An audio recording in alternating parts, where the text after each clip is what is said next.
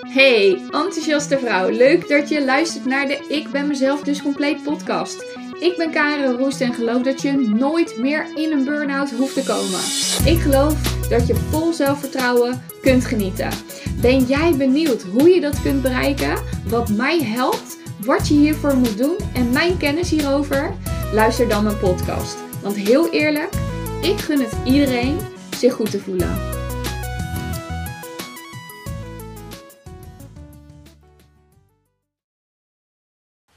Hey, super tof dat je weer luistert naar de Ik ben mezelf dus compleet podcast. En dit is deel 4 van wat jij moet weten om nooit meer in een burn-out te komen. Ja, in het eerste deel heb ik met je gedeeld hoe je patronen ontstaan. In het tweede deel waarom jij je patronen niet veranderd krijgt. En in het derde deel heb ik met je gedeeld hoe het komt dat jij je niet goed blijft voelen, ondanks dat je weet wat je moet doen om in balans te blijven. En nu in deel 4 ga ik dus met je delen wat je moet doen om wel die verandering te maken. Om je dus wel goed te kunnen voelen op het moment dat je bijvoorbeeld nee zegt.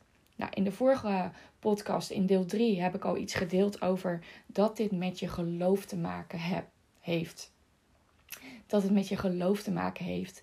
Maar waar zit dat nu? Dat geloof. Waar bevindt zich dat? Oftewel, dat is eigenlijk de gouden sleutel waar je mee aan de slag moet gaan. In mijn beleving. Dus ehm, ja, dat ga ik op dit moment nu met jou delen in deze podcast. Want wat je gelooft, dat zit vast aan je gevoel. Dat heb ik ook al in het vorige deel met je gedeeld. En die programma's en patronen, die helemaal geautomatiseerd zijn, die zorgen ervoor dat je maar blijft doorgaan en doorgaan en doorgaan. Nou, en die programma's, oftewel hetgeen wat je gelooft, met daaraan vast je gedrag en je gedachten, dat zit in je onbewuste brein.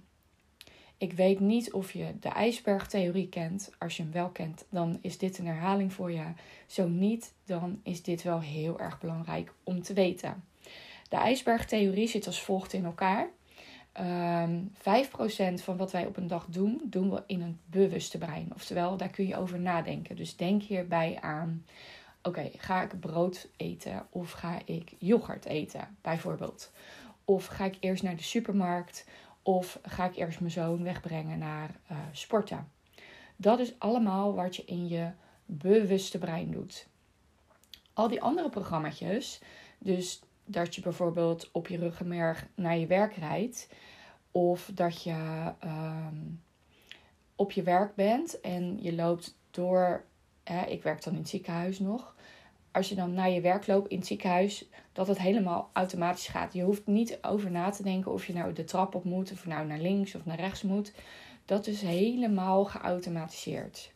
Of hoe je je tanden moet poetsen, bijvoorbeeld. Daar denk je niet meer over na. Nou, dat zit dus allemaal in je onbewuste brein. Of heel simpel voorbeeld lopen of gaan zitten of je bed uitstappen. Dat is zo geautomatiseerd. En het is ook fijn dat we daar niet meer over na hoeven te denken. Want dan zouden we echt knettergek worden.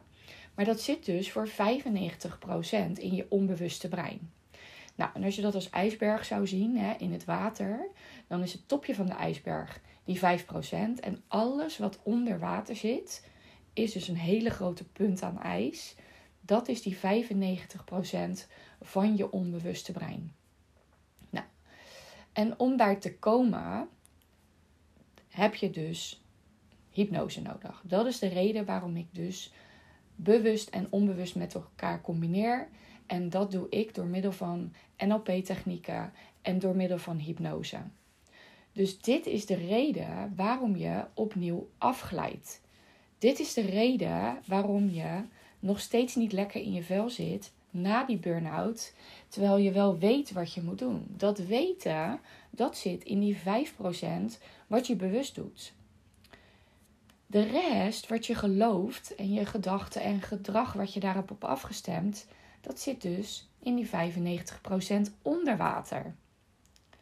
Dus ik hoop dat je nu begrijpt hoe het komt dat je opnieuw gewoon blijft doen wat je doet. Dat je opnieuw in diezelfde valkuilen blijft stappen.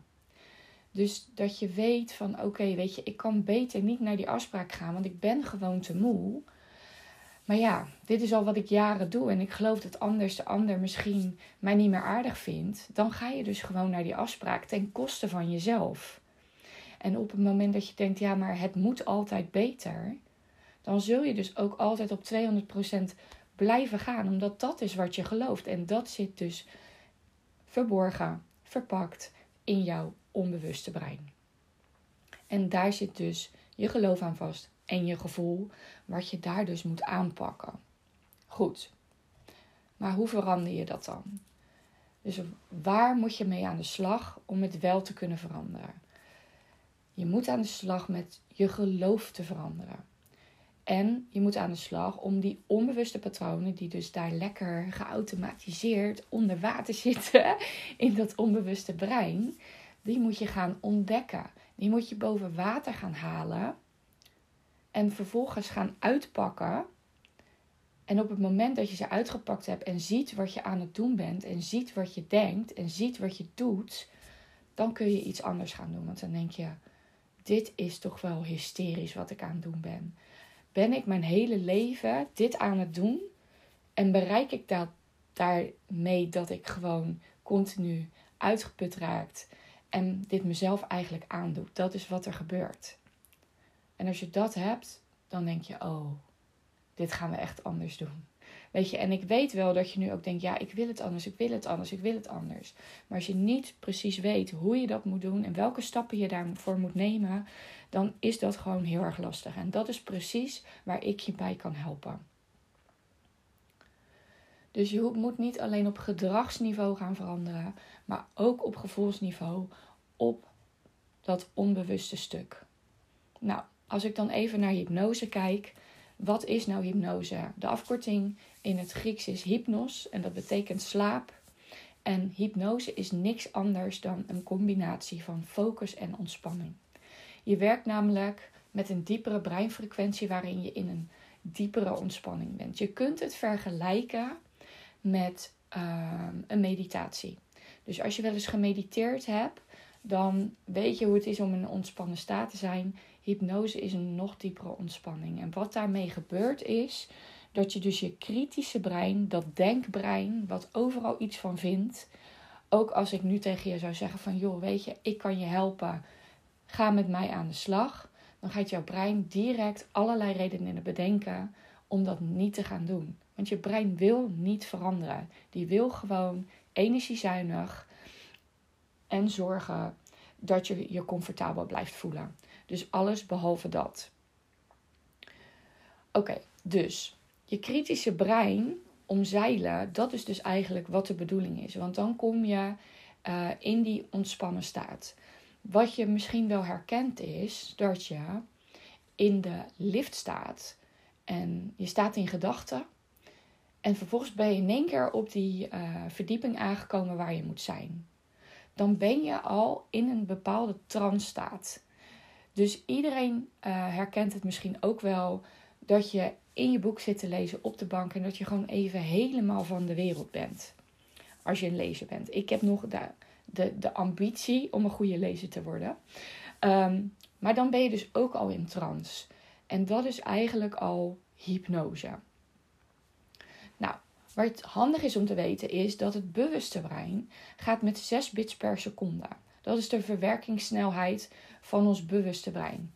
Dus dan moet je denken aan een bladzijde uit een boek bijvoorbeeld. De snelheid van uh, het onbewuste brein gaat met 11,2 miljoen bits per seconde. Dus dan heb je het over een heel boekwerk. Zo snel is de verwerkingssnelheid van ons onbewuste. Dus wat ik regelmatig meemaak is dat mensen zeggen van hè, ik, ik weet niet hoe, maar ik voel me zo anders. Maar het bewuste brein kan dat dus nog niet uh, bijhouden op dat moment. Die denken, hè, er is iets veranderd, maar ik snap het niet. Dat klopt, want dat bewuste brein werkt gewoon uh, veel minder snel dan dat onbewuste brein. Dus als er ineens iets weg is wat je met je bewuste nog niet kan begrijpen, maar je voelt je wel anders, dan raak je daarvan in de war. Nou, en dat klopt dus ook, want het is precies hoe je brein werkt. Um, Dus, en wat ik zeg, hè, dat onbewuste brein, het is maar goed dat we dat allemaal niet bewust weten, want dan worden we knettergek. Oké, goed. Dus uh, hypnose is dus focus en ontspanning. En hoe je daar kunt komen is dus door dat kritische brein te omzeilen. Dan kun je namelijk anders naar je probleem gaan kijken.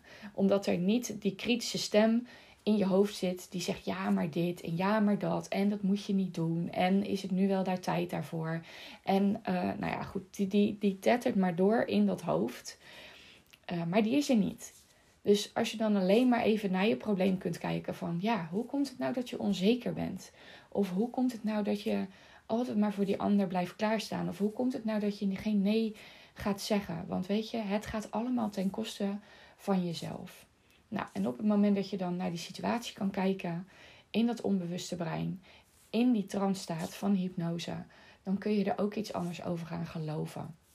En dan verandert ook je gevoel. Dat is de sleutel waar die ligt om echt wel blijvend lekker in je vel te kunnen gaan zitten en om blijvend die verandering te maken. En dan zal ik gelijk even onderstrepen: betekent dat dan dat ik altijd happy de peppy door het leven ga? Nee. Dat is niet zo. Alleen de hobbels en de bobbels die op je pad komen, daarvan val je niet meer helemaal om. Daarvan ben je niet meer compleet van slag in je leven. Nee, je weet hoe je ermee om moet gaan. En hoe zou het zijn als je hobbels en bobbels in je leven krijgt, waar je je wel zelfverzekerd bij kunt blijven voelen? Dat je wel je grenzen kunt aangeven. Hoe lekker zou dat zijn? dan is er echt iets veranderd. En dat is dus wat ik jou ook gun. Nou, die patronen die jij dus nu ervaart in je leven, die belemmerende patronen die nu in de weg staan om wel blijvend lekker in je vel te zetten en om dus nooit meer in die burn-out te komen, die kun je dus laagje voor laagje voor laagje veranderen. En dat is waar ik je bij kan helpen. En dat is precies wat ik doe. Dus, hoe komt het, of hoe verander je nu voor jezelf wel? Hoe zorg je ervoor dat je dus nooit meer in die burn-out komt? Dat is je geloof veranderen en op onbewust niveau die programma's te gaan veranderen. Nou, dat was hem voor vandaag. En uh, deel 5 komt weer uh, over. Overmorgen komt hij online. En daarin ga ik dan delen welke stappen jij daarvoor moet nemen om wel de verandering te maken. Dat was hem voor vandaag en tot de volgende.